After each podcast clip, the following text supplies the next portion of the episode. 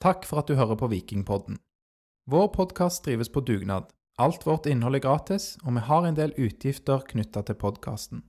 Du kan derfor støtte podden ved å vippse et valgfritt beløp til Vikingpodden, vips nummer 765728. Takk til alle som bidrar.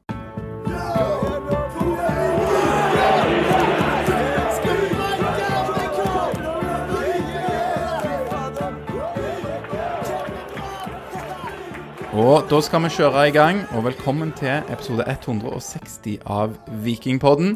I dag med, surprise, surprise, Lars læreren fra Madla. Velkommen. Takk for det. Ja. Takk for det. Og en, ikke en superstor surprise, men en liten surprise. Eh, Knut Husdal, velkommen. Tusen takk. Veg- Veldig veldig hyggelig å være her igjen. Ja, du har vært med er det tre ganger før. Jeg To eller tre ganger før, ja. To eller tre ganger før, og du er jo kjent for mange som er glad i Viking. Eh, og ja, det som jeg syns er kult, er at du har jo vært annet redaktør for Vikingtokt. Ja, stemmer det. I hine hårde dager. Har ikke klart å holde meg vekke. Nei. Det Det er kribler. Nå bruker vi Twitter og andre eh, forskjellige andre kanaler for å søke, så ja, tømme seg det, for det hjertet renner over med. Så du, du sitter ikke og redigerer på et nytt sånn vikingmagasin som skal komme ut? Nei, det gjør jeg ikke. Men jeg håper virkelig noen andre gjør det, for det er gøy. Det er gøy. Det har, jeg har hørt litt sånn prating om det, men vi får se om det, det kommer. Vi, vi tar ikke lid på det med i Vikingpodden heller. Nei, det gjør vi ikke. Nei. Eh, Podkast er kjekt format, det òg, så ja. Det er godt å, å være her. Det er lenge siden sist nå, Aleksander. Vi satt her 25. januar med Pål Fjelde. Det var siste episode. Så nå tenkte jeg jo Det er mange podkaster som går liksom bruker mye tid på ja, hva har vi gjort siden sist. Men tror dere at lytterne var veldig interessert i det, eller hva andre ting syns dere vi skal ta i dag? Nei, det, det har jo skjedd litt på vikingsida, da. Ja, så du vil- Viking, først og fremst. Snakke mer om viking enn deg sjøl, Knut. Ja, Vi kan prøve litt viking denne gangen. Ja. Ja. Og så får du ta sånn eh, Knuts eh, historier fra 2023 i en egen episode. følg meg på, på Twitter, så skal jeg tømme meg for det der. Ja, det er godt. Ja. Nei da, det har eh, Det går av og til litt sånn tid mellom episodene, og jeg tror vi har vært opptatt på våre ting, men det er litt mindre interessant for lytterne. En ting, Aleksander, at du har tatt ned julelysene dine, stemmer ikke det? ja, det syns du var litt interessant, og vil melde det. Ja, mest fordi vi fikk et spørsmål fra Øyvind Kalsås som lurte på hvor lenge kan julelysene henge ute. Og du har tatt de ned. Er det fordi du mener de ikke kan henge lenger, eller er det fordi du ikke vil det? Det er jo Jeg mener jo at det gradvis skal tas ned, og så får folk vurdere det litt sjøl. Noen av naboene mine har sånne julelys med granbar. Der tenker jeg sånn De skal ned litt før nå, for det er litt sånn ekstra, da blir det julelys. Ekstra julelys, ja. Eh, jeg hadde bare sånne vinterlys som er ganske nøytrale, men jeg hadde sånn 50 meter vinterlys som var hengt på et veldig lite område, så det lyste så voldsomt opp, så de måtte ned. Ja. Ja. Har du Ja. en formening om dette, Knut? Ja, det har jeg, Lars. Og jeg kan si at de, eller forteller Øyvind at de der lysene de kan bare henge oppe. Nå begynner den norske fotballsesongen. Da kommer tiden til å fly. Og Bare et lite øyeblikk til, så er det adventstid igjen. Det er ikke noe penger å ta det igjen, nå. Det er jo øyeblikket advent. Men skal, de, skal de skrus av på noe tidspunkt, da, Knut? Eller Etter, etter tap så går det greit å ha det av en liten stund. Ja. etter et tap, ja. ja. Ja. Eh, Du nevnte jo for øvrig at vi har spilt inn episode med Pål Fjelde, eh, Lars. Bare for de som ikke har hørt den, sjekk den ut. Det syns jeg var superinteressant å høre med landslagets og Vikings Pål Fjelde. Absolutt. Ja, i dag er det jo da eh, 5. mars eh, 2022, og i 2023 23. Ja, unnskyld. 5. mars 2023. Her har jeg notert feil. Eh, og eh, siden inngangen av året så har Viking spilt ti fotballkamper. Ingen av de eh, tellende, annet enn at eh, den ene cupen i Portugal var vel en slags cup som gikk an å vinne og greier. Um, men det henger ikke så veldig høyt. Men av disse ti kampene, da, så har jo Viking vunnet fire. En av de på sånn Løgnas straffesparkordning. Eh, uavgjort, eh, en uavgjort kamp, og så har de tapt fem. Og de har kanskje tapt mot litt god motstand òg, og vunnet mot enkel motstand, er det lov å si? Det er vel litt både òg. Eh, skal vi bare ta det med en gang? Det, Viking har vunnet mot eh, Halmstad og mot Brønnby Nei, ikke Brønnby, København på straffer. Og Sandnes og Bryne. Ja. Og det Ja. var det. Det var det. Så det er jo litt ymse. Sandnes var jo sånn Mikke Mus-motstand, holdt jeg på å si. Det var, det var Mikke Mus. Det var ikke noe å telle. Den er ikke tellende. Uh, men vi har jo hatt en del andre tellende kamper. København var jo bra. Ellers må jeg si at den uh, uavgjorten som vi da tapte på straffespark mot Lillestrøm, var bra. Ellers så har det ikke vært sånn all verden som vi kan forvente. Er det den Lillestrøm-kampen som henger igjen som kanskje den beste kampen av de? For København var vel òg sånn forsvare seg i én omgang. Ja, men jeg synes vi var gode, liksom. vi, vi var mye bedre enn de. Det var jo litt sånn hjerneblødning av Patinama når vi slapp inn eh, det ene målet. Og det andre målet var offside. Jeg synes vi var mye bedre enn Lillestrøm. Ja, det var, det var den kampen da vi kanskje gjennomgående var bedre. Men der òg var det jo litt Det var litt hjerneblødning fra Patinama, men det var òg fra Lillestrøm når de slapp inn mål på i hvert fall ett av de, hvis jeg ikke husker feil. Så på en måte det målet, eller kanskje begge de målene, får du ikke mot Lillestrøm i Eliteserien. Eh, så på en måte det som står igjen for meg kanskje som en sånn ja, overskrift, hvis en skal ha det, så er det jo det at vi sliter med å skåre mål fortsatt. Og der kommer vi til noe som eh, mange sier at treningskamper gjelder jo ikke. Det er ikke skikkelig, Vi kan ikke si det virkelig hvordan det gode lagene er før, de, før det virkelig alvoret uh, slår til. Der er jeg uenig. De teller ikke så mye for oss, så vi legger kanskje ikke all verden innsats i det. Men de gjør heller ikke motstanderen. Det du derimot kan se, er ikke innsatsen, men du kan se hvor godt samspillet uh, virker. Hvor godt uh, det fungerer defensiv struktur, strukturen fungerer. Eh, hvor godt eh, formasjonen sitter, hvor godt eh, det ja, kort sagt flyter i spillet. Så fly, flyten er der, selv om du ikke gir 100 men gir 95% så vil et lag som er bra, som har fått til dette her, de vil gjøre det bra i treningskamp òg, selv om innsatsen er 95 i for 100% Og det som ofte sies òg om treningskamper, er vel at resultatet er kanskje ikke det man skal bry seg mest om, men man bryr seg jo om hvordan laget ser ut, og det er jo litt det du er inne på her, Knut. Eh, klart, Hvis du har, føler du har tre gode treningskamper mot god motstand, og så taper du alle 2-1, OK, det er ikke krise, men hvis prestasjonen er god, Ja. så teller det kanskje, da, vil mange hevde, i de kampene der, mer enn at det er viktigere det enn at det faktisk ble Kall det null poeng, da. Tre tap. Så kjører du, for jeg har stålkontrollen og kjører over et godt lag og leder 1-0, bytter det ned til B-lag og slipper en to på slutten, så klart det teller ikke. Da, da er du på, på gang. Så det er jo klart, at hvis du eh, er en dårlig trener, så vil du jo si at det er altfor dårlig at vi tapte 2-1. Sant? Da er det. Men eh, det tror jeg ikke Jensen Aasheim har gjort. Hva mener du nå, at hvis du er en dårlig trener, så sier du det? Ja, så er det sånn, altså, sant, hvis, Som i eksempelet her, du har spilt mot god motstand, og så taper du 2-1. Du har spilt over de, og så bytter du halve laget, og så taper du 2-1 til slutt. Ja. Og så hvis fokuset etterpå blir vi tapte 2-1, vi kommer til å Dette er altfor dårlig, med et elendig lag, bla, bla, bla, så vil jeg jo si at du gjør en dårlig jobb som trener. ja, det er sant. Å bygge ned eget lag i sånn Ja, Mm. jeg, føl jeg følger deg på den, Lars.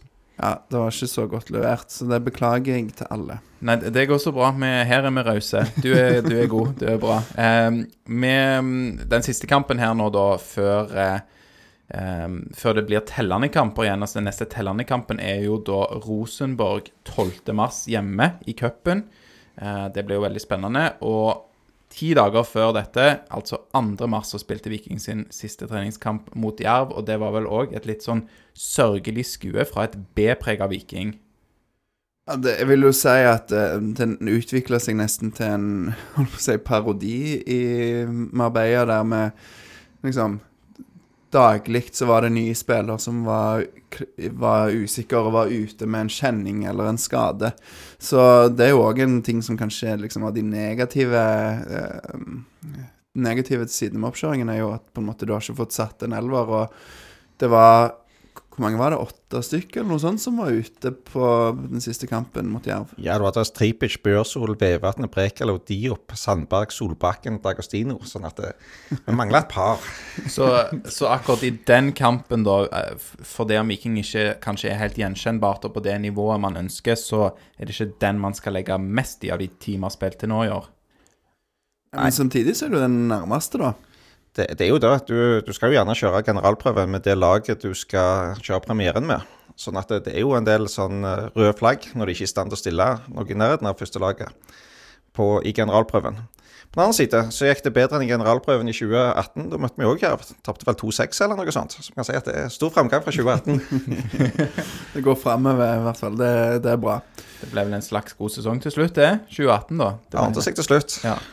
Men den Jerv-kampen, for å ta den siden du spurte, da, så var det var en kjedelig kamp, rett og slett. Et uh, vikinglag uten at det offensive satt. Det, um, jeg mistenker vel at av de som starta den kampen offensivt, så er det vel kanskje Edvin Austbø som er nærmest å starte på søndag om Jeg uke? tror han er nærmest. Jeg, jeg tror ikke han starter på søndag. Nei. Så tar, eh, tar de som eh, starter på, på søndag, så tror jeg ikke at eh, Eller det blir veldig mange endringer. Eh, Jeg tipper at eh, Hvis vi kan gå på det, så tipper jeg at vi starter med Gunnarsson i mål. Bak så er det jo et par cuptight med Haugen, så jeg tipper at vi starter med Jan, Janni. på høyrebekken Stensnes, Brekkalo og Urbansic. Midtbanen Løkberg, Solbakken, Nilsen Tangen. Og framme Svendsen, Taxino og Tripic. Noe dere vil endre? Du tar Svendsen på høyre. Tar Svendsen på høyre, ja. Jeg, rett og slett uh, Austbø er sannsynligvis den som har mest X-faktor, så han kommer inn og avgjør. Han har startet neppe. Men du skal, de skal gjøre Svendsen glad, og han skal få, få starte der. Og så sier du at er det Herman Haugen er cuptide, sier du. Jeg forsto det sånn at han er cuptight, han er vel ikke skada, men han kan ikke spille. Så de har drilla Janni på den posisjonen, som for så vidt tror er veldig bra. Jeg har mer tro på hans på bekken som sentral midtbane. Han var jo en veldig oppofrende ving når han spilte her tidligere. Han har spilt back for Rosenborg òg. Jeg tror han kan, eh, kan bli knallback hvis han blir trent inn der. Ja, det var det Altså, han er jo kanskje Hva var det Sondre Bjørsol sa? Han mente at eh, Janni var den beste høyrebekken i Viking. Han hadde bare ikke skjønt det sjøl ennå, så Ja, hvis en skal ta hans ord på det, så er det jo et, en god ting. Um, Interessant taktikk fra en uh, høyrebekk-rival i Sondre Bjørsol, da. Å trekke fram eh, konkurrenter på den måten. ha- hadde han sagt det hvis han hadde meint det? Vet ikke. Hadde han sagt det hvis Janni var veldig aktuell som en sånn permanent høyrebekk? Ja, Ja. det er sant. Ja, nei, men, men, eh, men jeg er jo litt sånn Hvorfor skal ikke um, Austbø få starte når han har vært friskest i de to kampene han har En av de friskeste i de to kampene han har starta. Sander Svendsen har jo hatt liksom kommet til en del sjanser. Nå starta han på venstrekanten nå sist, eh, vel? Gjorde mot Jerv? Det var han som starta der, ja. Eh, og da, da kom han jo til et par sjanser etter at bl.a. Edvin Austbø hadde gjort forarbeid. Og han brenner jo det som er. Han, han blir jo sånn Fryser til i, i avslutningsøyeblikket. Sant? For sånn eh, Overtenker situasjonen hele veien, virker det som. For la han ta et frispark, da. Det har han gjort tidligere i oppkjøringen. Mm, og det har han lykkes med, så da Ja. Det var rimelig bra. Det var. Halmstad, var det? Han satte han i vinkelen. Mm. Stemmer det. Det var han mot Halmstad, ja. Det bor noe der. Ja, Men- og så hadde han en flott chip òg, eh, mot mot FCK, det. Var ikke det? Hvor det han snappte et dårlig utspark fra keeper, og så satte han i mål. Mm. Det stemmer det. Helt på tampen mot eh, FCK var det vel eh, Ja. Um, ja, eller var det mot Brøndby? Ja, Det husker jeg ja det, går, det er ikke så viktig. Ja, det er Brøndby må det ha vært. Det må ha vært Brøndby, for det var 0-0. 0-0 med til FCK, så da ble det ingen mål i ordinær tid der. Ehm, her, er vi, her er vi skarpe, da. Hæ? Det, ja. Men eh, mot eh, Rosenborg, da, igjen, det er 12. mars, eh, første runde i cupen. Du, du nevnte denne høyrebekkplassen der Janni har blitt drilla. Hvem var de andre tre du nevnte i forsvaret der, Knut? Der har vi jo landets beste, ikke bare tre der, men hele backfireren pluss keeper, mener jeg er de beste i landet når de er først i form. Gunnarsson bak, Janni, Stensnes og Brekkalo tror jeg det er få andre stoppere i landet jeg ville hatt enn de to.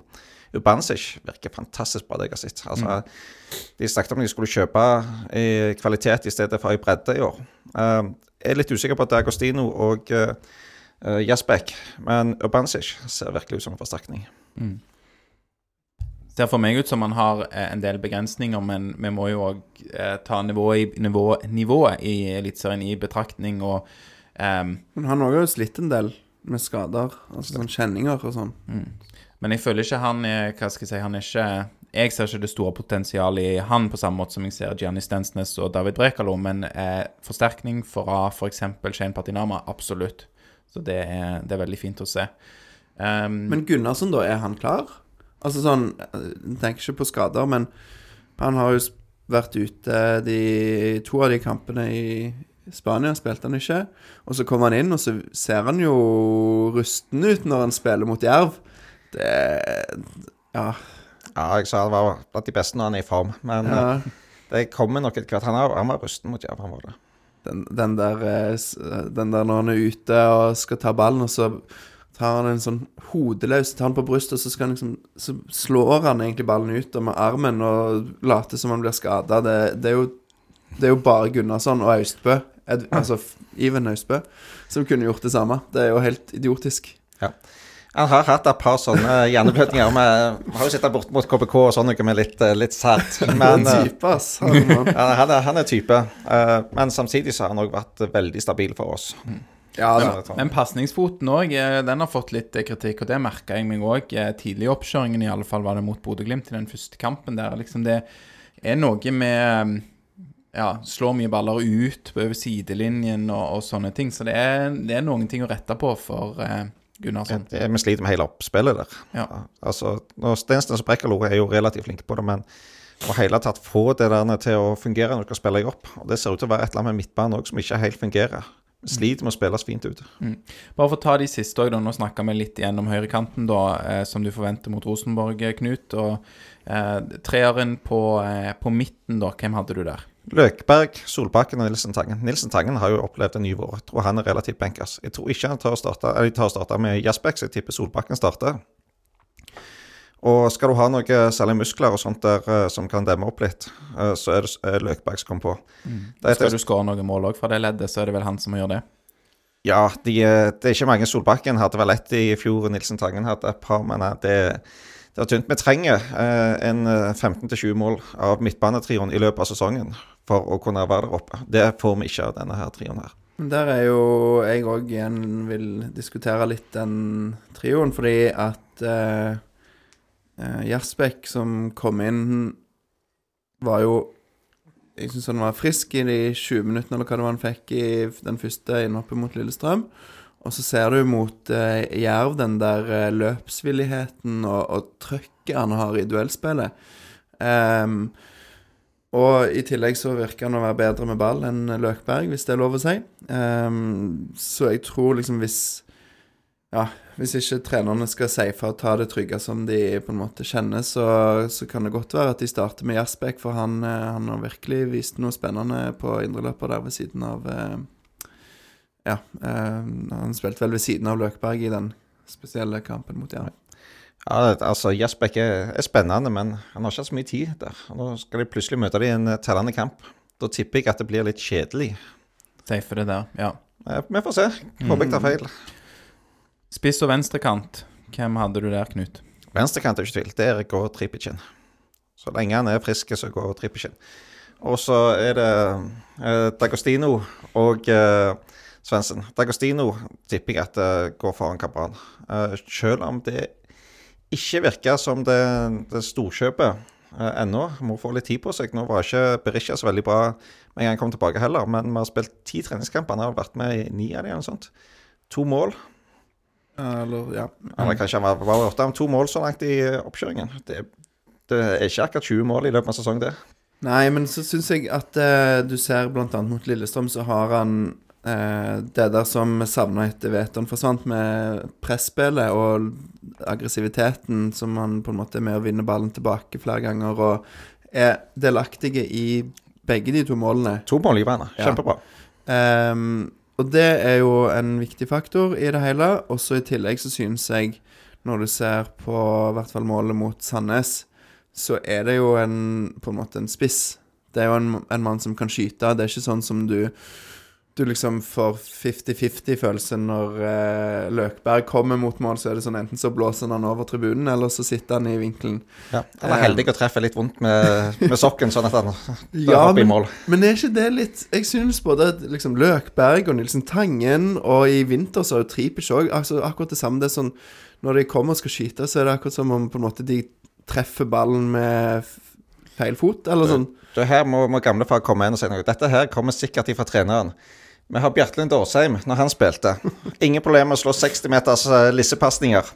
Kom han eh, inn forbi uh, 16-meteren og skulle skyte, så var det med strømpeskudd eller ballongskudd langt over. Det var hjelpeløst fra mål. Men gi han en eh, 60 meter, til en 60-meters ja. så sitter han. Ja, nei, men jeg synes at um, Jeg, jeg synes eh, Dagostin har vist noe, i hvert fall, som kan bli bra. Så man får orden på leggene sine, eller var det legg... Ja, uansett. Det som er kjenninger og bytte med underlag og sånn, som man har slitt med. Eh, og så må de få satt den eh, trioen der, må få spilt litt, ikke bare sånn en omgang her og en omgang der. Og de må få spille sammen. Nå skal jeg si at Svendsen, Dagostino og Tripic Det er de treene framme som har spilt suverent mest i oppkjøringen. De har spilt dobbelt så mye som alle andre konstellasjoner. De har spilt sammen to ganger. Eller starta to ganger. så i ti kamper så har vi hatt ni forskjellige konstellasjoner av de der fremme. Uh, med to spisser og eh, de andre seks har starta, så er det matematisk mulig at tolv uh, konstellasjoner. Altså dette her borger ikke for godt samspill. Så du tenker her at de, eh, de rett og slett har prøvd ut for mye, men jeg vil jo si noe av det har blitt tvunget fram da, Knut? Jeg sier ikke at dette er med vilje. De skulle jo til Spania. Jeg husker når vi dro til Spania i begynnelsen av februar. Så var det snakk om at nå starta oppkjøringen, nå starta kampen om plassene, og startelveren skulle sette seg. Og så har det vært skader av andre årsaker, så har det vært en villrullering. Det betyr at vi ikke har fått noe særlig samspill. Mm. Så om det er liksom det medisinske som har svikta og tima det feil, om det er ferieopplegget deres, om det er bare disse nye da som kommer inn, som er vant til å spille på et annet underlag, og de kommer jo fra sesong, gjør de ikke det? da, De fra Australia? De kommer fra sesong, sånn at det, er òg en ting med Dagostino at han er midt i sesong, så han skulle hadde forventa enda litt mer uh, mm. dominering ifra han. Men det går an at uh, det er uflaks òg, selv om det er klart man har kontroll over noen av disse parameterne. Da Da tenker jeg på igjen hvor mange bytter som f.eks. tvinger seg fram da, i den siste oppkjøringskampen. Det er jo, det er jo synd at det, det, blir seende sånn ut. da. Det er det. Men jeg sier òg at uh, Dagostino blir ikke spilt god, akkurat stadig nye folk rundt seg som ikke vet hvor de har hverandre. Så samhandlingen fungerer ikke bra offensivt. Og så var du litt inne på, eh, på tripitch òg. Eh, det er jo en ting som eh, Eller han, han har kanskje jeg vil egentlig ordlegge det positivt, da, men han, han har jo kanskje mista noe av dette med, med avslutteregenskapene, eller iallfall valgene han tar. og Hvis vi får det tilbake òg, og får litt flere mål ut av han um, Ja, du nevner at vi trenger 15-20 mål fra midtbanen. Vi trenger litt fra, fra kanten òg. Og Sander Svendsen f.eks. har jo ikke sett eh, giftig ut. Og eh, hvis Tripic ikke er der han er på sitt beste, så ja, kan så det bli for få mål. Tripic reiste jo hjem for å være far, først og fremst. Han var ikke skada. Det var derfor han ikke var med i den siste kampen. Så be betyr det Lars, at han må begynne å oppføre seg? ja, det kan du si. Uh, jeg tror, tror, ikke det. Håper ikke det. Nei, jeg, eh, jeg, tror eh, det er noe som skjer med Tripic når han går ut på banen. Ja, vi skal, vil ha 2019-Tripic tilbake igjen. Ja, det tror jeg ikke du får, men uh, du får noe av det, kanskje.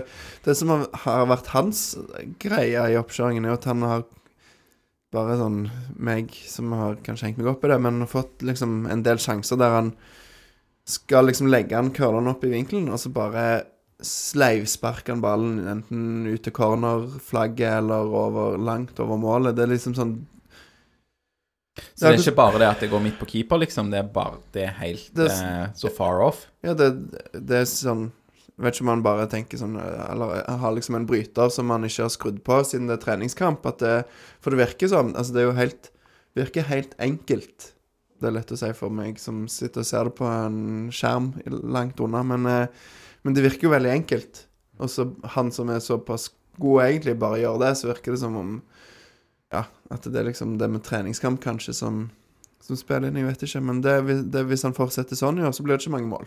Men det skulle jo vært lettere i treningskamp. Det er jo mindre press, og motstander går òg i 95% Ja, men folk er forskjellige. Det, noen elsker jo på en måte det trøkket når folk piper på de andre frysonene, Så Tripic er jo en sånn spiller som liker press og liker um, å, bli, å fyre seg opp, liksom. Ja. Det, det, lukter rett og slett ikke nok sagmugg.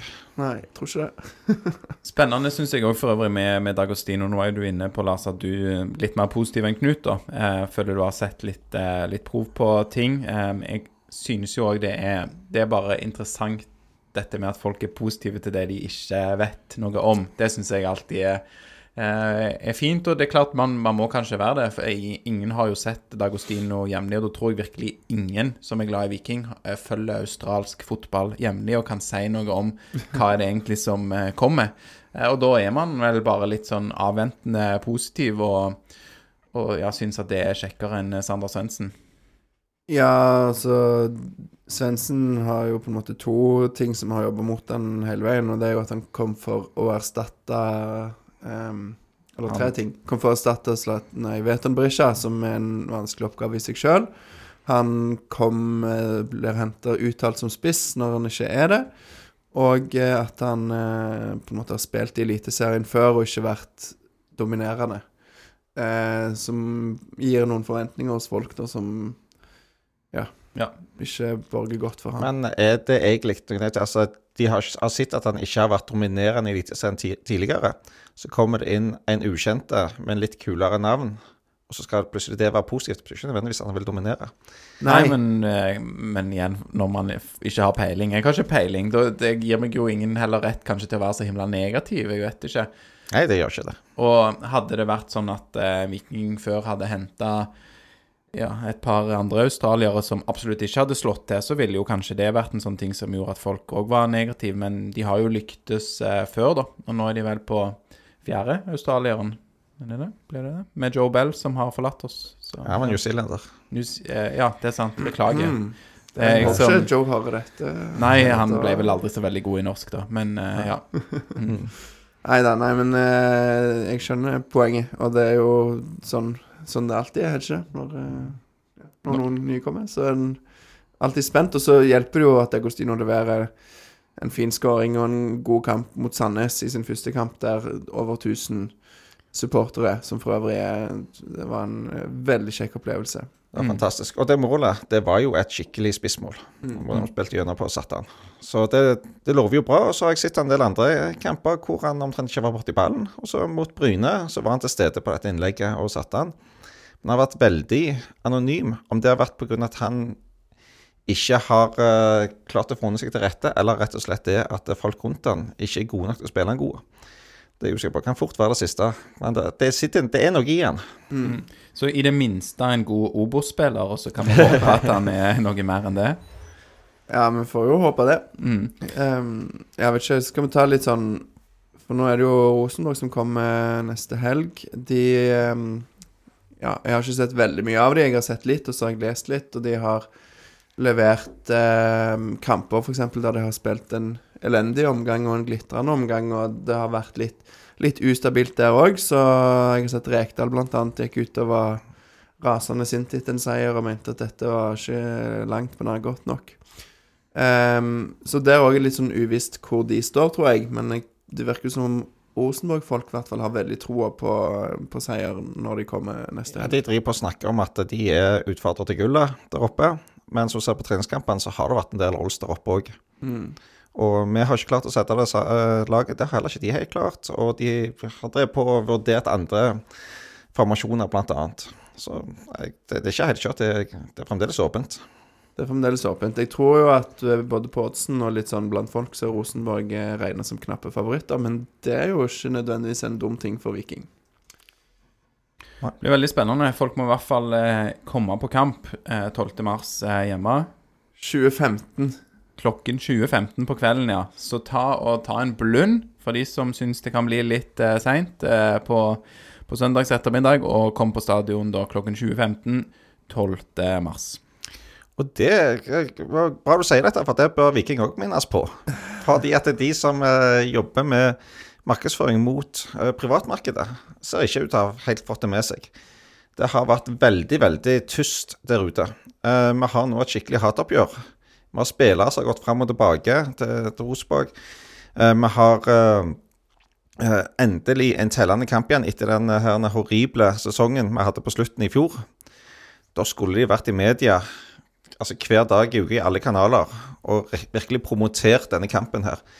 Og det har det ikke vært. Uh, Fram til i dag så var det vel en tweet om at billettsalget var åpne, altså en generisk sånn uh, melding på, på nettsida deres. Så kom det et par nå i, i kveld, men eh, Ja, Det- den, det kom en på Twitter i dag som hadde vært lagt ut på Instagram for noen dager siden, tror jeg. Mm. Mm. Så du sier være ute i alle mediene, tenker du annonseplass da i Aftenbladet, sånne ting, eller hva sikter du Ja, til? både annonser Du må i hvert fall være ute i alle sosiale medier. Eh, nå gjør jo eh, publikum mye mer for promotering av kampen enn Viking gjør sjøl. Og eh, hvis du som en bedrift ikke er ute og selger, så er det et skikkelig rødt flagg. Altså Når du baserer deg på at kundene dine skal selge produktet for deg, så er det greit i medgang, men du har jo sett det kunne gå i motgang hvor mange som er på tribunen da. Hva var de hadde? Noe 500 eller noe sånt? Var i ferd med å rykke ned i 2017. Så de, de må gjøre, rett og slett gjøre jobben. Og eh, I fleste bedrifter så bruker en 10-15% av budsjettet sitt på salg og markedsføring. Jeg tror ikke i nærheten av det i Viking engang. De bruker veldig mye sport. Kan si sport er bra. Men ved å være flinkere til å selge, bruke mer energi på å selge, så blir det òg mer penger til sport. Dette her eh, gjelder ikke bare eh, dette eh, bedriftsmarkedet, hvor vi faktisk er veldig gode. Men det gjelder òg til privatmarkedet. Det er jo det de skal selge. Altså Ingen som er annonsører som ønsker å være til stede på tom stadion, de ønsker jo en stadion full av liv og farger og jubel og, og gøy. Og Da må vi fylle opp stadion. Da må de gjøre jobben. Helt enig, og der er det jo Altså, det, det, ja. det er lett å sitte og kritisere, og jeg mener jo ofte at liksom en må tenke på det ene og det andre, men her er jeg nesten uten forbehold enig.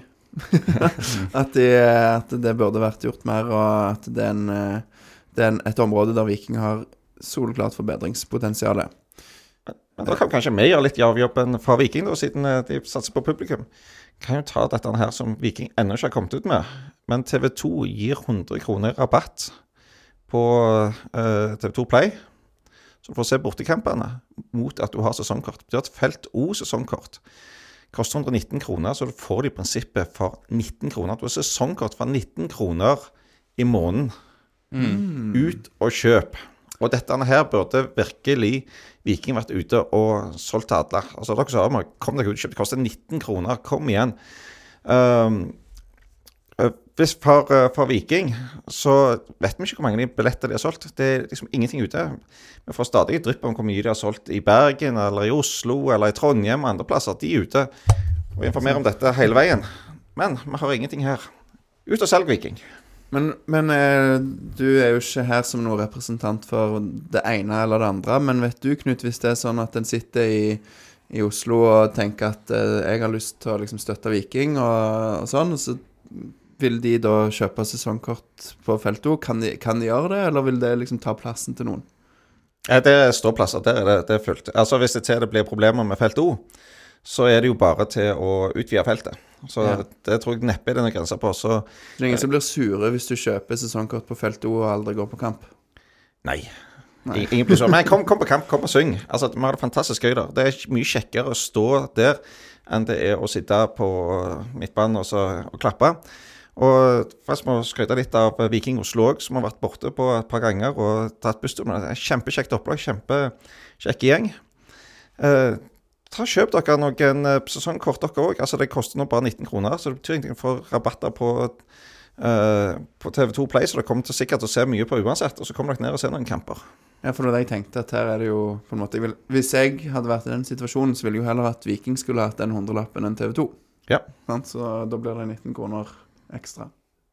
Ja, så bare for, å, for meg som ikke var kjent med dette tilbudet òg, så er det altså Hvis man har abonnement på TV2 Play, et sånn type abonnement som gjør at du kan se norsk fotball da, så får man billigere sesongkort. Nei, Nei, du får billigere TV2. billigere TV2. Hvis du har sesongkort. Hvis du har sesongkort. Så Ja, skjønner, alle ja. sesongkortinnehavere skal få en kode tilsendt på e-mail Ja, som gir de rabatt på TV2. så det er jo da en sånn en nasjonal greie. Så vidt jeg har skjønt. Jeg ser en del klubber som er ute og reklamerer med det, så jeg har ikke sett noe fra Viking, men Mhm. TV2 har sagt det generisk. Jeg tror ikke de holder Viking utenfor. Nei. Det var bra.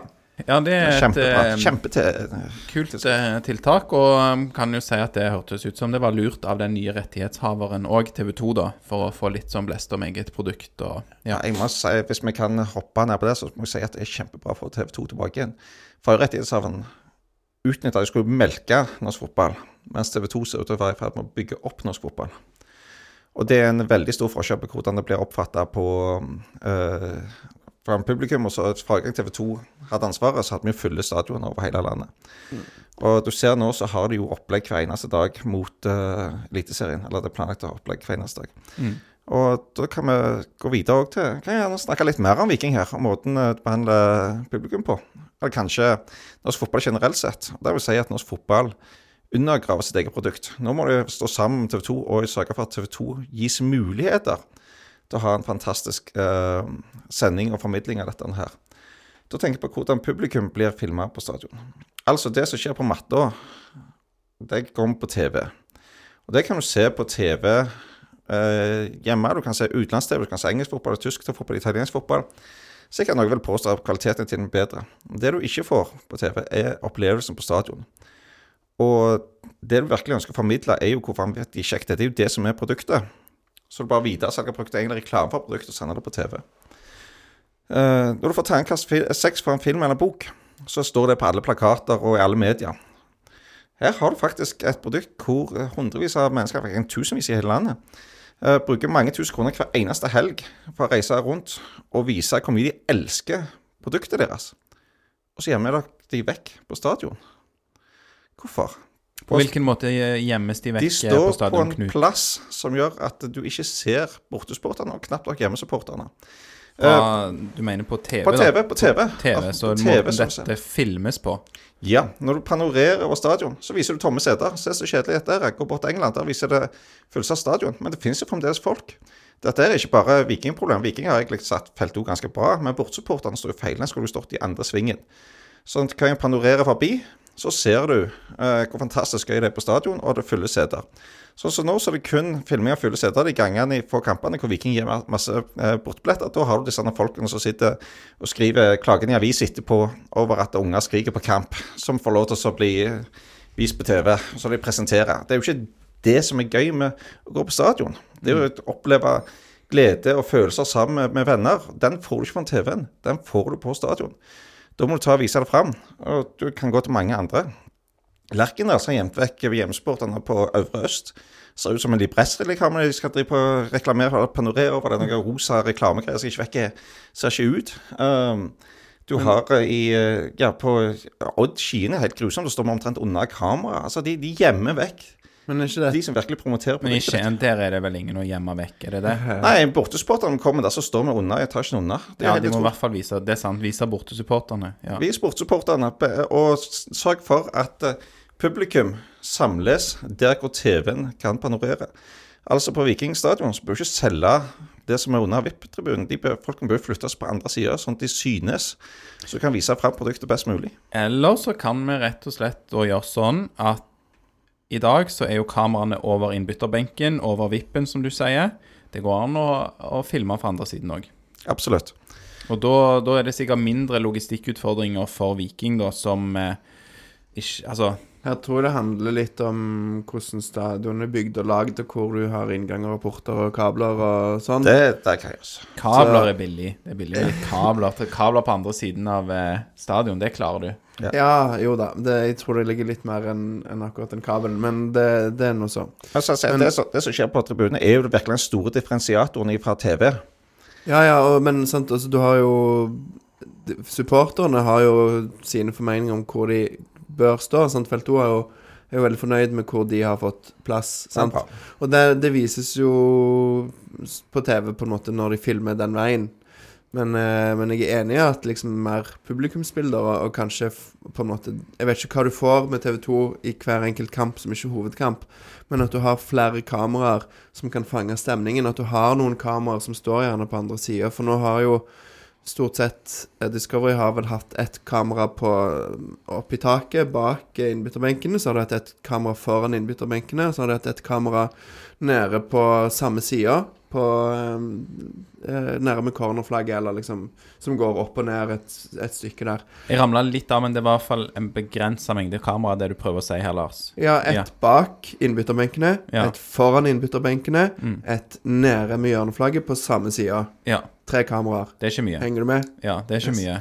Ja, nei, det er ikke mye. Og, og ingen av de på en måte filmer jo mot vippen, eller mot um, Der det er folk, liksom. det er folk. For folket sitter på vippen og under vippen. Ja. Ja, det er vel de som går først. Men der har jo òg Viking muligheter på en måte når de selger enkeltbilletter, så kan de stenge av områder hva de vil selge først. Og da er jeg jo helt enig i at det er best å selge den andre sida først. Eh, kan du si De som eh, er virkelig flinke på dette, det er jo en idrett som egentlig er møkk kjedelig, er jo langrenn.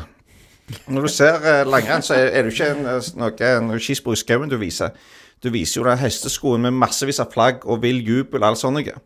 Det ser jo så fantastisk flott ut. Han studerte i Trondheim i 97, så ble jeg lurt av dette her reklamebildet og jeg gikk opp for å se VM i 97. Det er jo mye kjedelig. å stå der og fryse i timevis før det kommer noe snørr og gørr og fyker forbi på noen pinner, og så er det ferdig. Men det du ser som minner fra alle disse store uh, langrennsarrangementene, det er jo hvor fantastisk flott det ser ut med masse farger, masse flagg og med masse jublende mennesker. Selv om det bare er et lite øyeblikk av hele arrangementet. Det er jo mange mange flere som går og ser fotball hver eneste helg. Hvorfor i all verden blir ikke det fremstilt like flott i, uh, i mediene? Hvorfor kan ikke klubbene altså Dette mener jeg her er jo uh, må jo klubbene henge på TV2 skal bygge produkter. Uh, da er det jo viktig å la dem få presentere dette flottest mulig, sånn at det ser flottest mulig ut på TV. Det er mest mulig attraktivt for eh, sponsorene, og ikke minst at de som sitter hjemme og ser på, sitter pokker heller. I stedet for å høre på, på støvsuginga, så burde jeg heller vært på stadion med kompiser og hoppet og skreket og synge. Så det en av, stadion er en av veldig få plasser hvor mennesker kan vise ekte utløp for følelser sammen med andre. Ja, fotballen er jo noe som binder folk sammen på tvers av alt mulig annet. Altså, du møter folk du aldri ellers ville nødvendigvis eh, møtt eller hatt en relasjon med. Mm. Så eh, ja, gode poenger, Knut. Um, Hadde du òg noe i dette noe om eh, Viking pluss, Knut, som du ville si?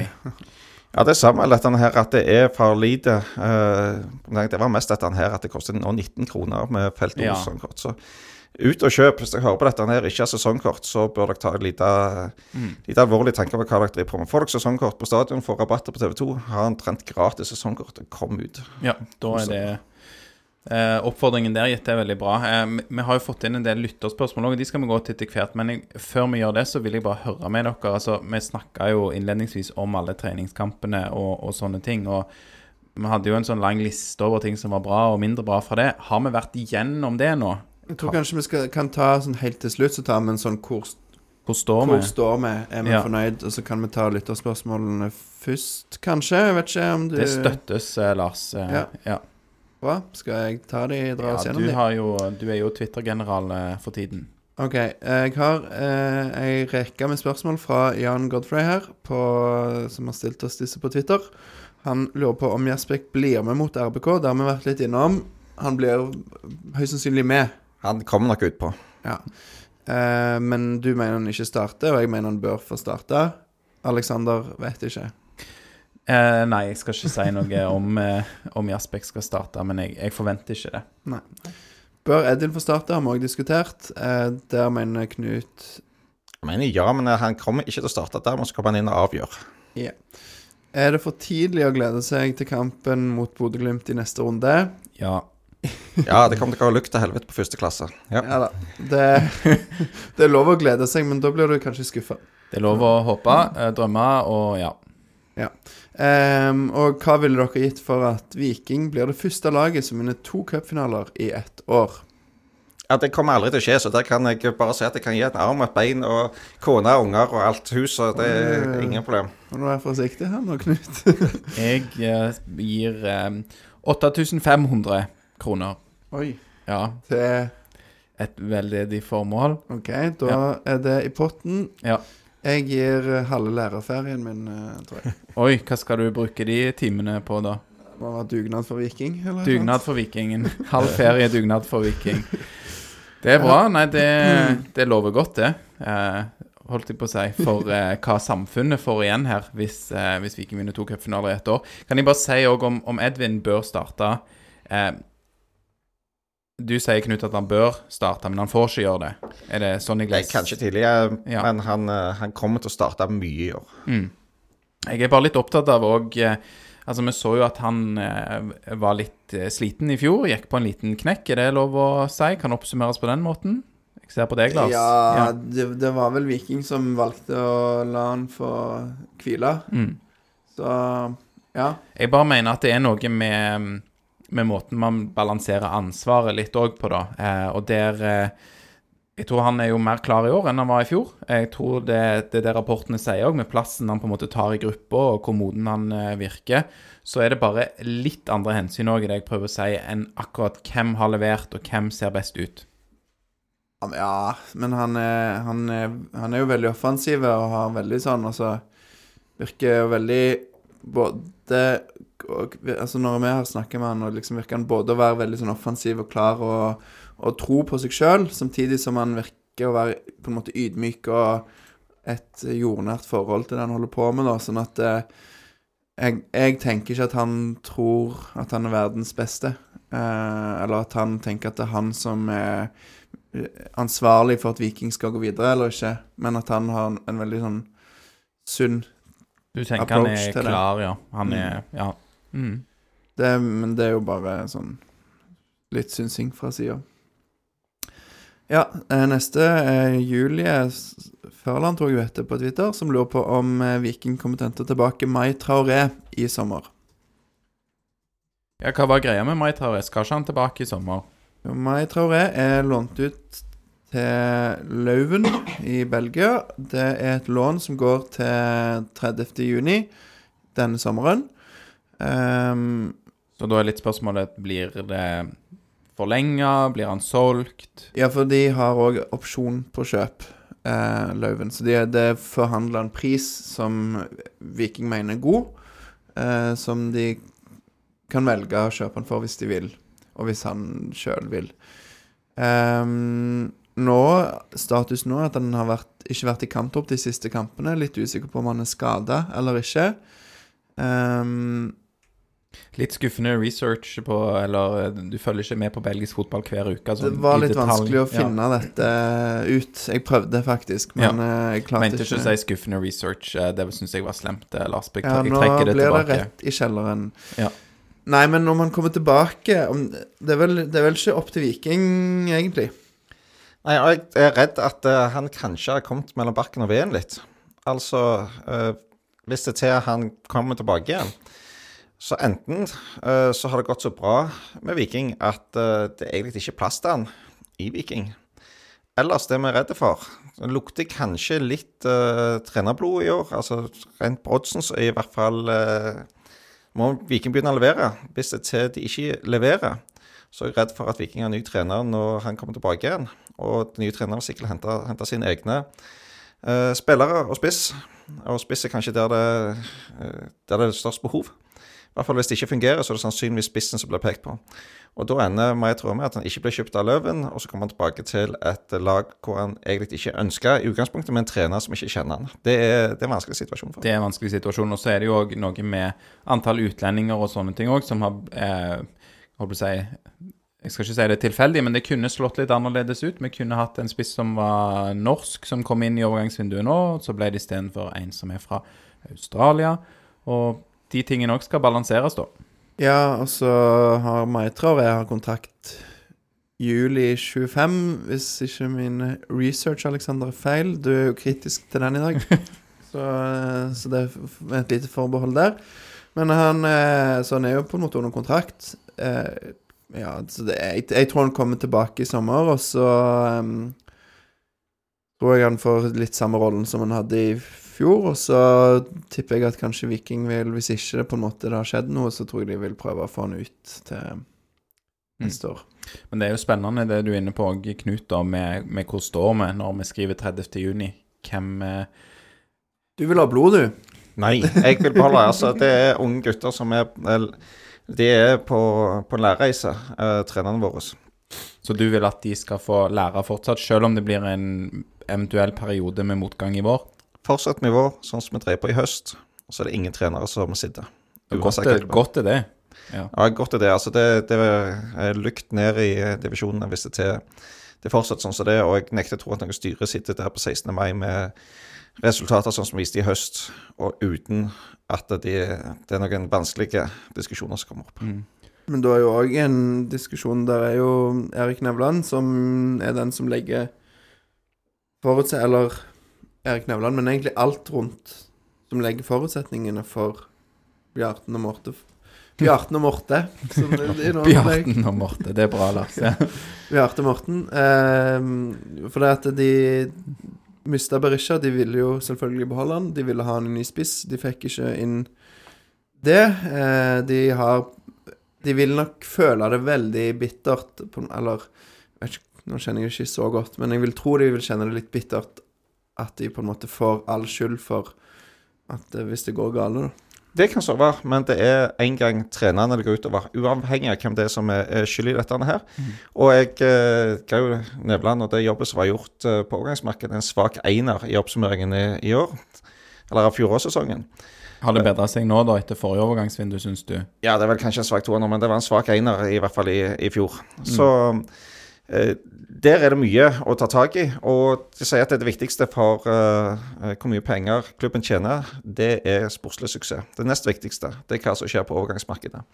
Det er å kunne selge. Og da har jeg lyst til å trekke fram eh, Knut Høybråten, fotballagenten. Han skrev i boka si at eh, det er så mye dårlig ledelse i norske fotballklubber at hvis det til du har hatt noen måneders erfaring som mellomleder i en mellomstor norsk bedrift, så betydelig bedre egnet til å lede en fotballklubb i Norge enn om du har skåret aldri så viktig mål uh, i en eller annen cupkamp.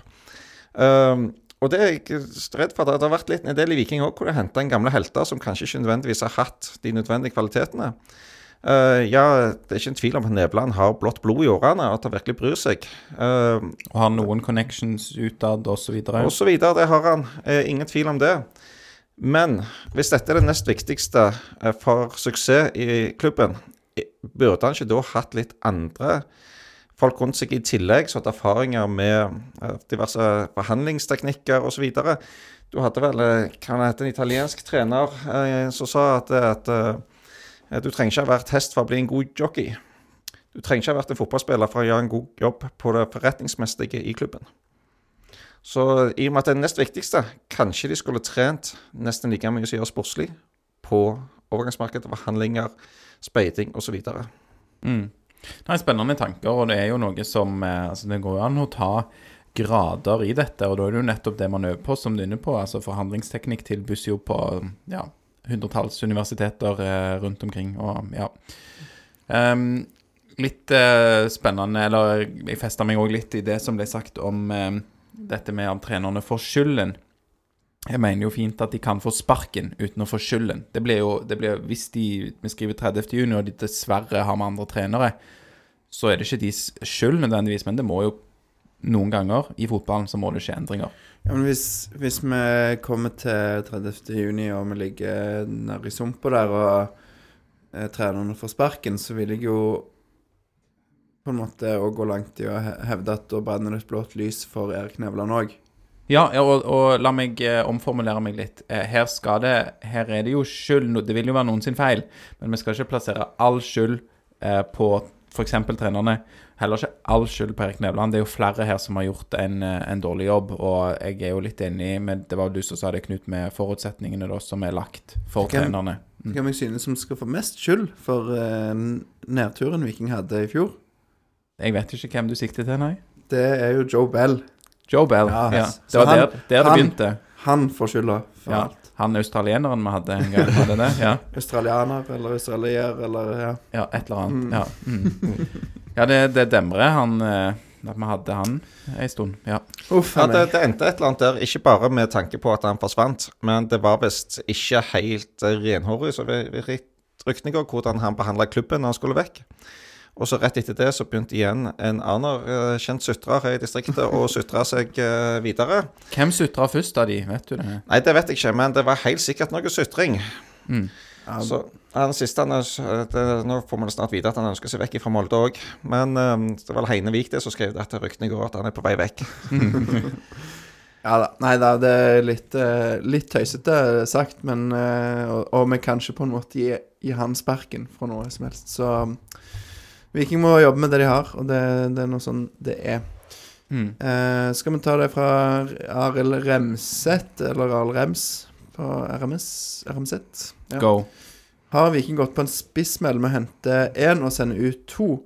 Er Kabran på topp et brukbart alternativ på topp og et brukbart hm, Der har jeg skrevet sikkert feil. Er Kabran på topp et brukbart, et brukbart alternativ, gitt at Nevland ikke henter flere? Ja, syns jeg. Jeg syns han er en bedre spiss enn eh, Daniel Karlsbakk. Selvfølgelig eh, mindre videresalgspotensial, en annen alder osv. Eh, men eh, ja. Ja. Nei, vi har litt Vi, jeg må si, vi har ikke hatt en uh, skikkelig god nummer to-spiss siden vi hadde Even Østensen. Som jeg savner, må jeg si. Uh, Supermai var på god vei, men, uh, og han kunne fått en skikkelig sesong i år, som vi jo ikke får. Og dere uh, svarer litt lenger om Kabran, hvis jeg får lov. Kjør Eh, på. Så skal ja. jeg ta litt om Even Østensen òg etterpå. Ja. Ja, greit. Og så kan dere korrigere meg om Kabran. Uh, fordi at når jeg ser han i uh, Eliteserien, så konkluderer jeg som regel med at han ikke er god nok for eliten. Når jeg ser han mot Obos-lag, så konkluderer jeg med at han ikke er god nok for Obos. Mot Eik Og så i den kampen der så må jeg Sverre si at det konkluderte med at han ikke holder på Snorliga-kvalitet. Samtidig så hadde han glimt av storhet, sånn som mot Bodø-Glimt i fjor. Det var et fantastisk mål han skåret. Det var årets beste mål. Ja, ikke bare ett. Ja, han skåret to mål. men Frisparket var gode mål. Ja, det var fantastisk flott. Og så var det flott borte mot uh, hva, uh, hva i Europacupen? Nei, ja, Eh, i Europa. ja. Det var mot uh, Støya. Støya. hadde et flott mål. Så han har noe å vise av og til at det bor virkelig noe i gutten. Uh, men han får liksom ikke ut. Altså, han, han virker dårlig av nivået han spiller på. Jeg vil gjerne forsvare han fordi han at han har spilt spiss. Han har spilt hengende spiss, han har spilt venstreving, han har spilt høyreving, han har spilt høyreback, han har spilt indreløp, han har spilt høyre kant. Alltid med nye folk rundt seg. Aldri får tid til å få noe eh, samspill. Han blir rett og slett ikke spilt god. Jeg tror han hadde hatt veldig godt av å ha hatt en faste posisjon med faste folk rundt seg, og at vi kanskje har en liten uh, uslepen diamant i Kabran hvis han får lov til å spille fast med faste folk rundt seg. Det verste som skjedde for han, var jo at Tripic kom tilbake. For Kabran var jo tenkt å skulle være venstrekanten når, eh, og så ble det plutselig mulighet for at vi fikk Tripic igjen. Og da, da tok jo han den plassen som Kabran skulle ha, og så har Kabran blitt en ja, kasteball i elveren. Den som settes på den åpne plassen, ja. Mm. Altså, han, jeg syns jo han har vært eh, god Jeg vet ikke om du nevnte Du nevnte veldig mange posisjoner. Venstre bekk òg, sa du det? Du sa høyre bekk, i hvert fall. Så Han, er høyrebekk, tror ikke jeg sa venstrebekk. Ja, Ja, han han sitter mye rart. Han mye på spilte venstre. alt utenom i sentralt på midten og stopper. Ja, så eh, god, god i mange kamper som venstre wingback, mener jo jeg at han eh, var òg. når de spilte da med en femmer eh, bak. em, og, og da veldig sånn tydelig rolle, sånn forsvarsrolle. Og når man da Akkurat som de, noen av de kampene der Viking visste de måtte forsvare, f.eks. mot Bodø-Glimt, så eh, løfta hele laget seg og liksom tok oppgaven, da. Eh, men jeg mener jo Jeg synes han har store begrensninger òg som spiller, men noen av de begrensningene kommer kanskje òg mest til syne når han har ryggen mot mål. Eh, som oppstillspunkt er han sterk, og så gjør han alltid noe rart. Eh, og både og i valg, eh, fotballklokskapen, synes jeg er eh, manglende. Og så er det òg noe med rett og slett eh, teknikk. Lange touch, eh, dårlige mottak. Men jeg syns han er god eh, når han har eh, nesen mot mål, så jeg skulle jo likt at han var vår nummer to-spiss. Jeg skulle heller hatt Even Østensen, jeg òg. Savner Even Østensen og syns litt synd på han, egentlig, for hvordan alt det der gikk til, og at han da Hold deg på sporet. ja, nei, ja, sorry. Nå, jeg må, vi snakker egentlig om Kevin Cabran, men du nevnte Even Østensen, eh, Knut. Og jeg, jeg skulle heller hatt Even Østensen som nummer to-spiss enn Kevin Cabran. Men for ja, tilbake til Kevin. Eh, vil gjerne at det er han som er en eh, backup i den eh, posisjonen. Og det går helt bra at vi har sendt ut eh, i alle fall Daniel Karlsbakk, som eh, vi har fått mye penger for. Eh, og Mai Traoré har absolutt noe med seg på spissplass, men jeg tror Kevin er òg en bedre nummer to-spiss. Ja, altså Kevin er jo en lojal og hardtarbeidende fyr, og så gjør han det trenerne sier. Han òg den eneste som i fjor ikke Jeg tror han var på, hadde alle treningsøktene. Han var kalt, ble kalt i et intervju for mister 100% eller noe sånt. Um, Og det er jo òg viktig. ja, det er jo en, Da får du mye spiller for pengene. Det er jo en, et eksempel til etterfølgelse for, uh, for de andre i troppen. Men uh, Men hva var det jeg skulle si? uh, jo, altså, han Han gjør mye sånn jobb som er litt usynlig og litt undervurdert, tror jeg. Og det er en grunn til at han òg, når Viking hadde spillere som ikke var skada, så fikk han jo faktisk en del tillit.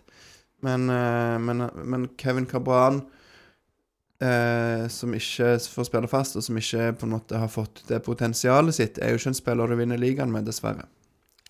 Nei. Og om han er litt sånn, ref det du sier, Knut, om at han, han hever seg kanskje da når han spiller mot god motstand som Bodø-Glimt, eh, og, og er ikke med å dominere på, på noe nivå, selv om de spiller mot svakere motstand. Og det er jo litt synd. Altså, er, er lysten og motivasjonen der, eller er det helt greit å gjøre en sånn en, en OK innsats, en fin innsats egentlig, men kanskje ikke har den lysten til å eh, prestere det lille ekstra, da. Fordi at han er på en helt fin plass, og han betales godt i Viking, og det er greit nok. Han eh, virker som han lufter laget. Du har en del spillere som er kjempeflinke når de blir spilt gode, eh, og blir gjerne kjøpt opp av større klubber. hvor de da skal spille andre gode og faller fullstendig sammen. Og kommer gjerne tilbake igjen hvor de er stjerner, og så gjør de det supert igjen. Og jeg, det- nå kjenner jeg jeg for lite uh, flinke på, på akkurat det tekni, nei, eh, taktiske på, på fotball, må jeg dessverre si. Uh, om det kan være sånn med Capran òg, men du ser det en del i fotballen at enkelte som er verdensmestere i én klubb, også faller sammen i en annen klubb. Og det tror jeg kommer litt av med hva roller de får lov til å spille. Så du tenker at hvis han hadde spilt da, si, i Obos, og andre spilte han god, fora han, så kunne han skint. Mens når han da er, må være en av de som løfter laget, så er det vanskeligere for han. Det virker sånn. Det, er altså, han løfter jo ikke laget sjøl mot, mot Eik. Mm. Han er ikke en som tar tak, liksom, tar tak i kampen. Jeg synes ikke det. det. Dessverre. Jeg skulle gjerne sett det, for han er jo opplagt godt trent, og de sier jo at han er en av de jeg har virkelig stor tro på. Han, og i tillegg så spiller han jo stort sett alltid. Så det er opplagt at de må se noe. Det er kanskje det er noe på trening. Du er også de som er verdensmester på trening, aldri helt får det gjennom i camp. Det kan være dette det, det hva sitt for få treninger. Han er i den alderen ja, der man, eh, man ser til en sånn spiller som han for Ja, å ta tak. det, vi snakker ikke om en junior her som skal hjelpes opp. Han skal være en av de som trekker laget. Han er på utgående kontrakt i år og får vel ikke um, fornya den, så da har han vel en knallgod sesong, og så får vi se. Ja, det er for det snakka vi vel litt om på slutten av fjorårets sesong, om at han òg liksom skal begynne å vise seg fram, plutselig, sant. Eh, Ja, så det er jo òg spennende hva, hvordan det blir seende ut i år, da. Så Ja, ja. vi, vi trenger Kabran helt der oppe på det beste vi sitter med for at vi skal ha en OK pluss sesong i år. Vi har ikke noen backup til at Agostino skada, sliter litt med overganger mellom forskjellige underlag. Da må Kabran være på. Mm. Og da er det jo òg sånn at vi henter sikkert ikke inn noen flere nå, tror dere det? Altså det norske overgangsvinduet er åpent eh, nå Hvor lenge? Mars. Ut mars, ja. Skal Jeg si håper de bløffer. Ja, Ja, for, og for Viking du- sier nei. Ja, for det, når du sier det bløffer, så har jo Nevland uttalt at de er fornøyd og komfortable med troppen og har ikke tenkt å hente noe mer. Det har, Ja. er vel uttalt. Det er uttalt utad, men jeg håper virkelig at de har De ikke styrer dette her gjennom mediene. Så. Mm. Nei, det er, jeg sitter vel òg med en følelse av at eh, de jobber litt i det skjulte, og det bør de vel òg gjøre. De har jo kjøpt seg litt arbeidsro nå.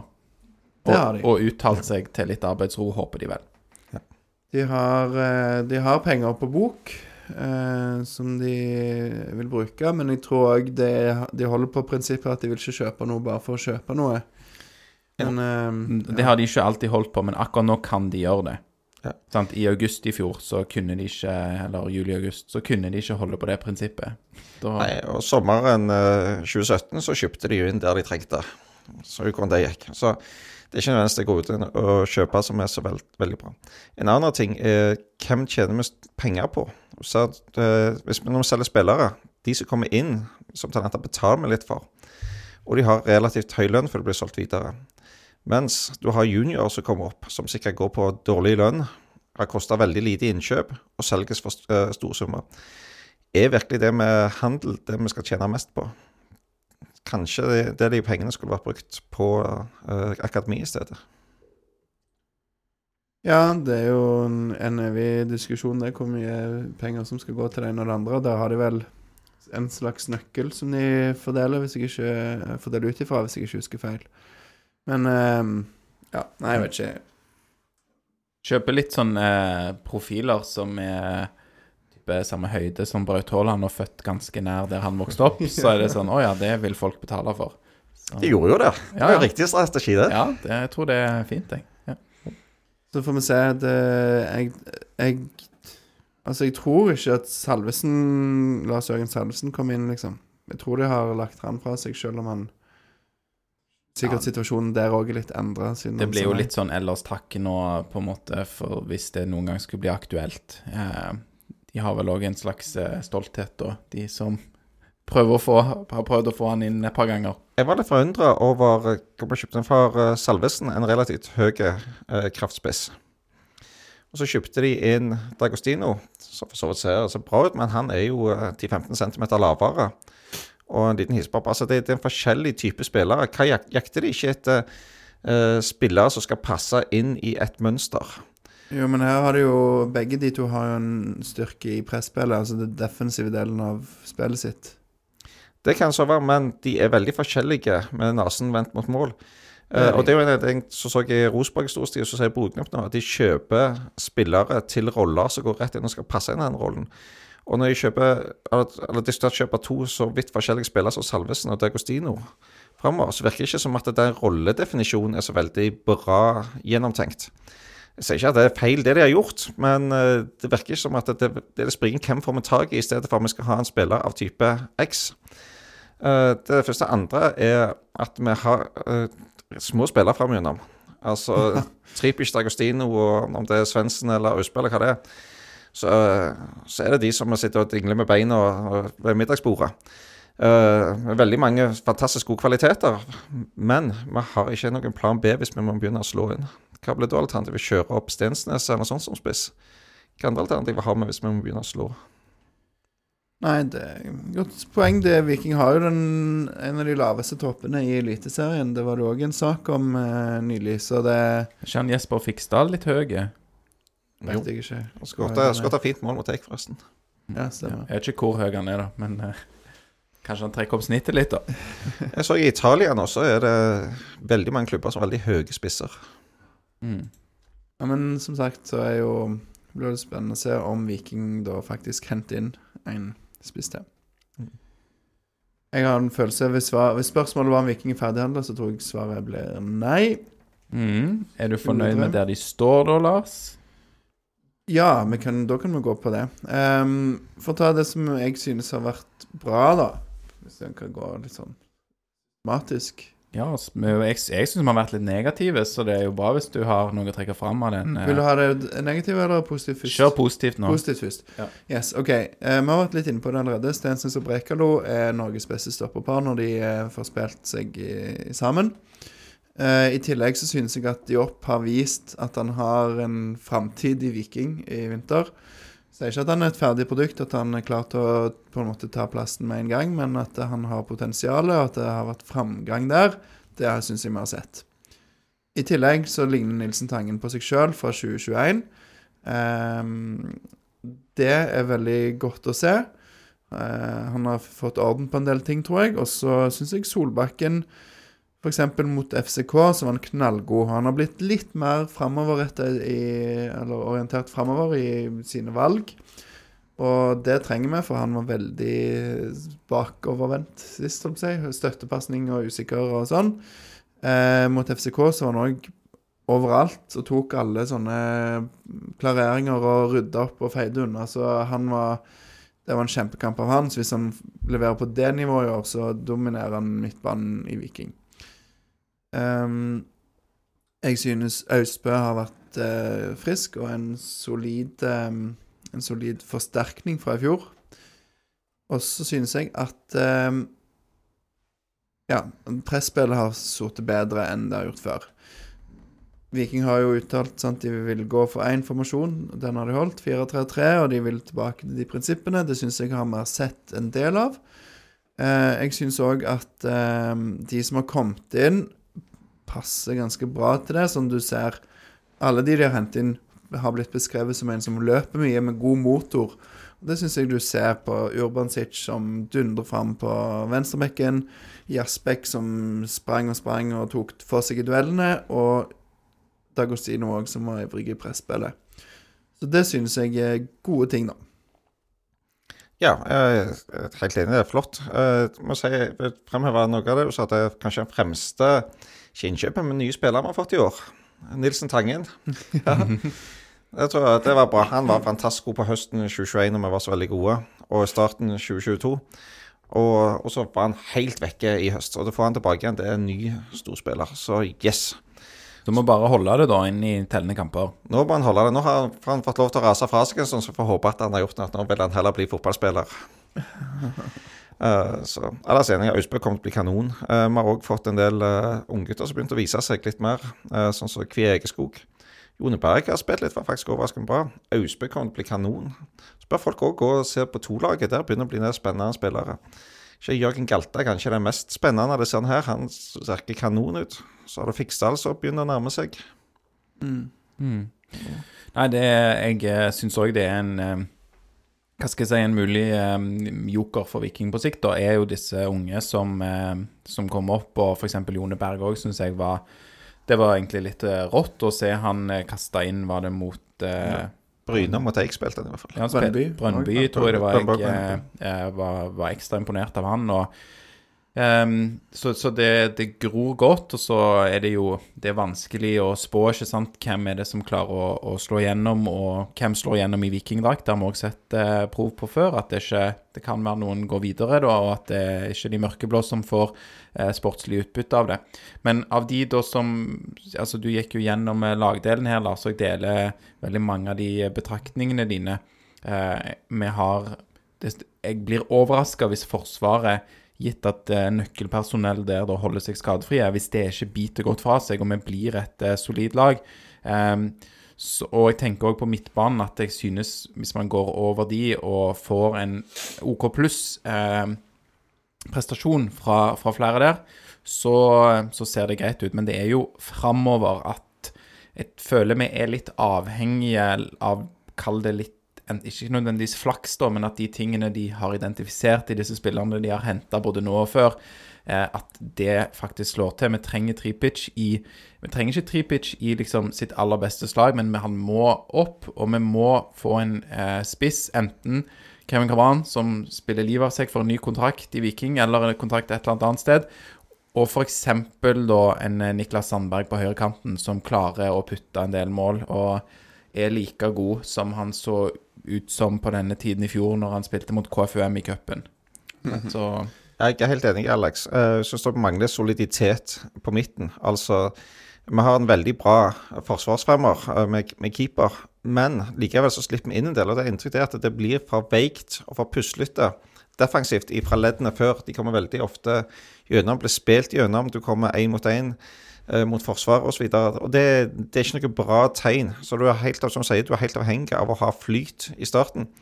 Jeg er redd hvis det til du ikke har, får flyt i starten, begynner du å slite, og så får du da denne, denne femmeren. altså eh, der har vi jo Jeg er redd at eh, begge midtstopperne våre forsvinner i løpet av sesongen. Hvis det til og med sliter der, så er det neppe ivrig til å spille så veldig mye lenger her. Og da kan det fort være at de går for et bud som ikke er så veldig trivelig heller. Men det er et veldig godt poeng òg, Knut, at altså, det er jo ikke bare keeper pluss de fire som er Forsvaret. Eh, de kan jo ende opp med å se dårlig ut òg i Viking, fordi at liksom, det kollektivet ikke sitter. Og igjen, vi kan vi har gått gjennom liksom lagdel for lagdel, og vi lister opp spillere vi har troen på. Eh, Nilsen Tangen ikke sant, det ser bedre ut enn på lenge, men det er jo samhandlingen som eh, må sitte her òg, og det er jo Ja, Syns nesten vi har beveget oss over på det negative jeg nå.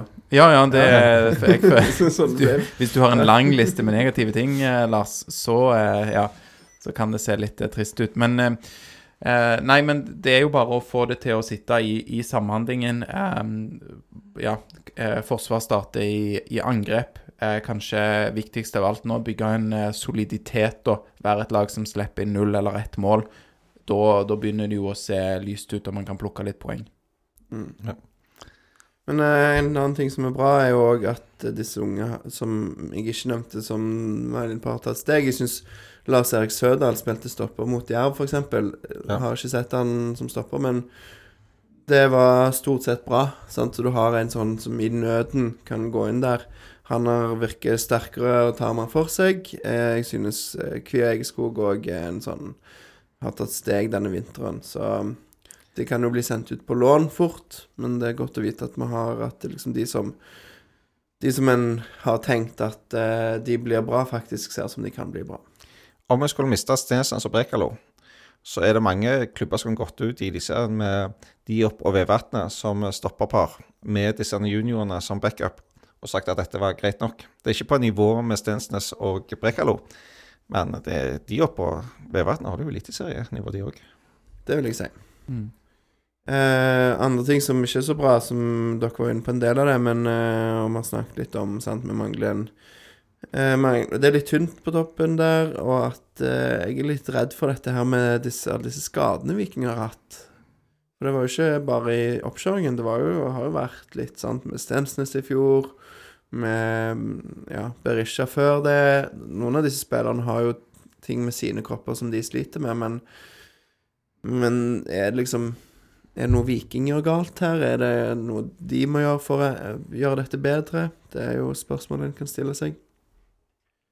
Det er jo det er vanskelig å si, vanskelig å synse noe om. Det, vi er jo gode på synsing, men akkurat dette er jo supervanskelig òg, at noe av det som har truffet nå, er liksom de nye som akkurat har kommet. Ja.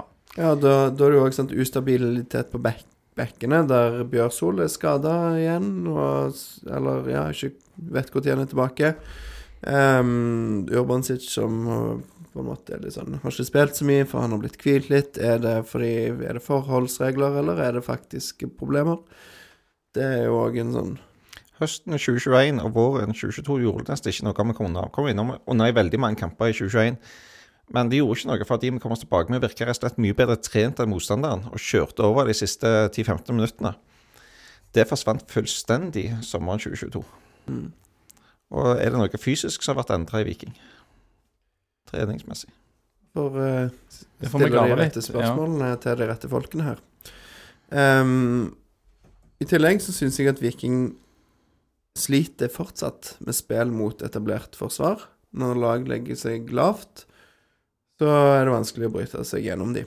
Der kan det jo være sånn Edvin Austbø med den uforutsigbarheten og det den råskapen og ureddheten kan tilføre noe, men eh, det er ikke han som skal ta dette Nei, ansvaret. han og Tangen, da. Det får være de. Han og Tangen, og så syns jeg Gjersbekk òg viste prov. Så det, det kan jo bli bra. Igjen så er det bare små spillere. Teknisk fantastiske spillere. Men de er små, sånn at du har Du mangler én dimensjon å spille på. Du kan spille i to dimensjoner langs bakken, men du mangler en tredje divisjon. Dim- Dimensjonen. Du kan ikke spille i lufta på dem. Det er òg litt spennende å se nå, da, for det eh, sant, Viking eh, med en god eh, avslutning på høsten eh, 2021, eh, gode starten av 2022, så blir det jo mye spill mot etablert angrep. Nei, unnskyld, etablert forsvar. Motstanderlaget vet at Viking er et godt lag. De legger seg bakpå, og da må vi klare å bryte ned de lagene. Akkurat nå, sant, med avslutningen vi hadde høsten 2022, så er jo ikke Viking et veldig godt eh, lag, i, hvert fall i øynene til de andre. Så det blir jo spennende å se hvor mange av disse kampene vi får, Lars, da, der det blir veldig sånn at eh, lag legger seg dypt og, skal, og Viking må bryte de ned. Det har jo vært et par lovende kontringer eh, som har sett i treningskampene, at når Viking står lave for å kontre, så ser det faktisk relativt lovende ut i en del.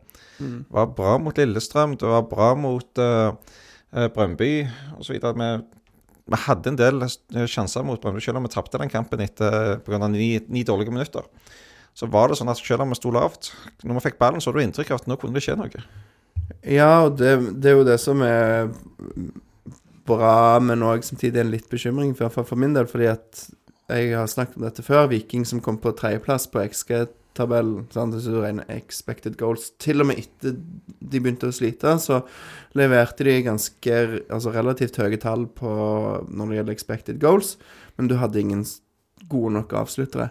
Så på en måte, hvis Viking fortsetter å lage sjanser, så er det bra, men du må omsette de, og det blir jo spennende å se. Jeg håper vi får se allerede mot Rosenborg på søndag at det har vi spillere Mm. som gjør. Vi trenger mange mål fra de, de framme. Altså, du skal være med der hvis du har uh, 15 mål fra en toppspiss, uh, 15 mål til sammen fra de to vingene, så 30 og 10 i, fra midtbanen, så 40 mål. Du er fremdeles på nedre halvdel. Så du trenger ganske mye mål fra de, de folkene framme. Da må de begynne å produsere mer enn det de gjør nå. Vi skal eh, ta resultattips mot, eh, eller i kampen mot Rosenborg, da, som er 12. mars. Men før vi gjør det, Knut. 1899. Ja. Hva, hva betyr det for deg? Det betyr kanskje flere ting. Eh, 1899 var jo eh, et flott år som vi husker godt, alle sammen. Mm. Det, Iallfall dere som er så gamle. Ja, ja meg og deg. For, for de voksne, de voksne husker dette godt. Mm.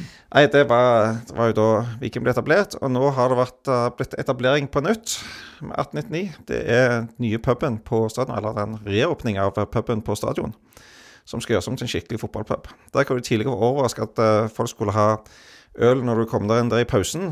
Så skal han plutselig bli profesjonalisert, og eh, de skal gjøres mye, mye mer ut av han. Tommy Nærland, vår gamle uh, Capo. frontband, Capo, Var gjest her i episode 158. Ja, han uh, har tatt over driften av dette, her, så regner vi med dette her blir en knall fotballpub. Starta allerede på, på søndag. Jeg forsto at han skulle åpne klokka to, denne her. Så kom en del gjester uh, i Klokka femtida. fem, ja. Ja, og så er det alle klare til kamp klokka åtte. Så du kan rett og slett komme tidlig på stadion og ha en knall dag på stadion. Og så avslutte selvsagt med at du går på himmelriket med, med seier mot Rosenborg. Det blir bra. Og denne seieren mot Rosenborg, hvor stor blir den? Hva blir resultatet, Knut? Ja, vi vinner 3-2. Som jeg sa, Austbø kommer inn på slutten og avgjør. Ja, jeg tror vi får eh, en 2-0-seier. Eh, og det kommer to mål i andre omgang, og vi får to mann fra Australia som skårer. Jasbek og Dagostino. Ja. Jeg tror at Viking tar en 1-0. Eh, De får et ganske tidlig mål, og så blir det minst 70 smertefulle minutter der Viking eh, forsvarer seg til en seier.